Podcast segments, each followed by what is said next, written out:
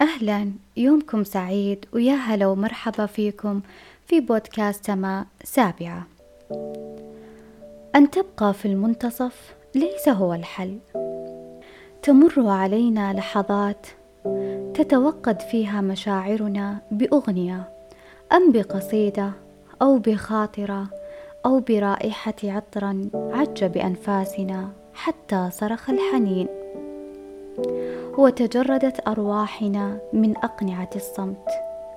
لينهار كل الكبرياء تجاه تلك المشاعر المسجونة. حتى يبدأ الشريط بعرض الذكريات وتبدأ الصور تتحرك أمامك وأصوات المواقف تهتف بقلبك قبل إذنك.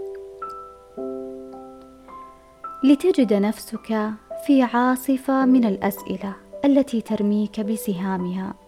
لما وكيف وماذا وإلى أين؟ إلى أين نحن في اختياراتنا؟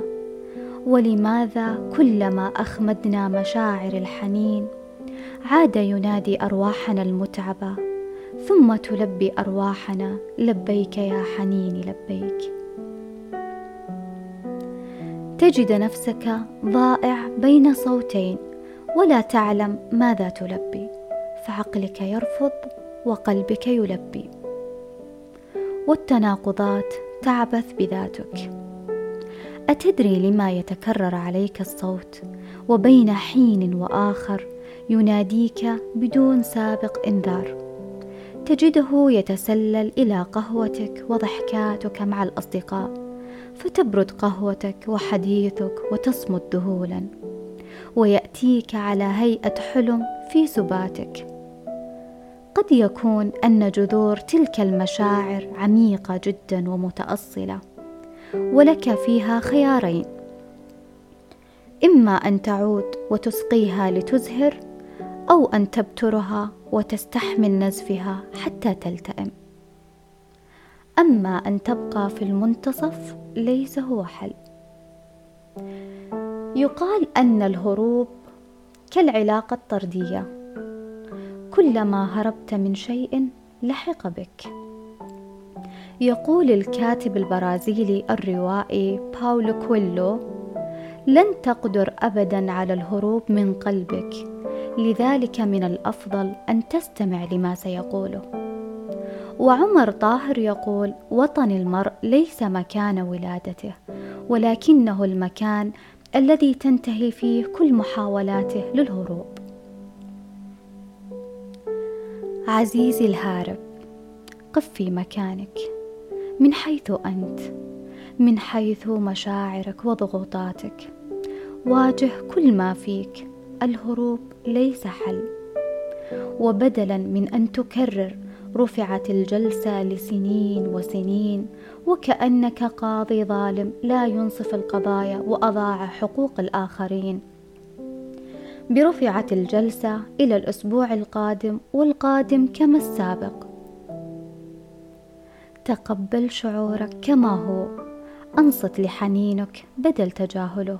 واجه نفسك وفرغ الحاوية بدل من تراكمها. تصالح مع تلك المشاعر وقابلها بالسلام. إن كنت استجبت لها فاقبل العودة. وإن رفضتها فقابل رفضك بالتخلي الجميل الذي لا يسلبك نفسك. وقبل التخلي تأكد أنك أفرغت الحاوية جيدا. وأنزلت حمولك الثقيلة التي سافرت معك طويلا. الآن اجردها جيدا وتخلص من كل السموم. وتذكر أن القادم أجمل. ستزهر من جديد. ستفتح كل الأبواب وتجد تلك المفاتيح التي لم تراها في سنوات العجاف. وتذكر أن الزهر قد ينبت من بين الشقوق اليابسة. كلماتي هذه قد تلامس قلوبا تنزف واشخاص عالقين في المنتصف. ومن مبدأ إيماني بالكلمة أنه قد يكون لها وقع كبير على قلوبنا بعضها كاسر وبعضها جابر. وأنا كل أمل أن تكون جابرة لو لقلب شخص واحد. ويبقى الأثر ممتنة كثير لاستماعكم. دمتم بخير وسلام.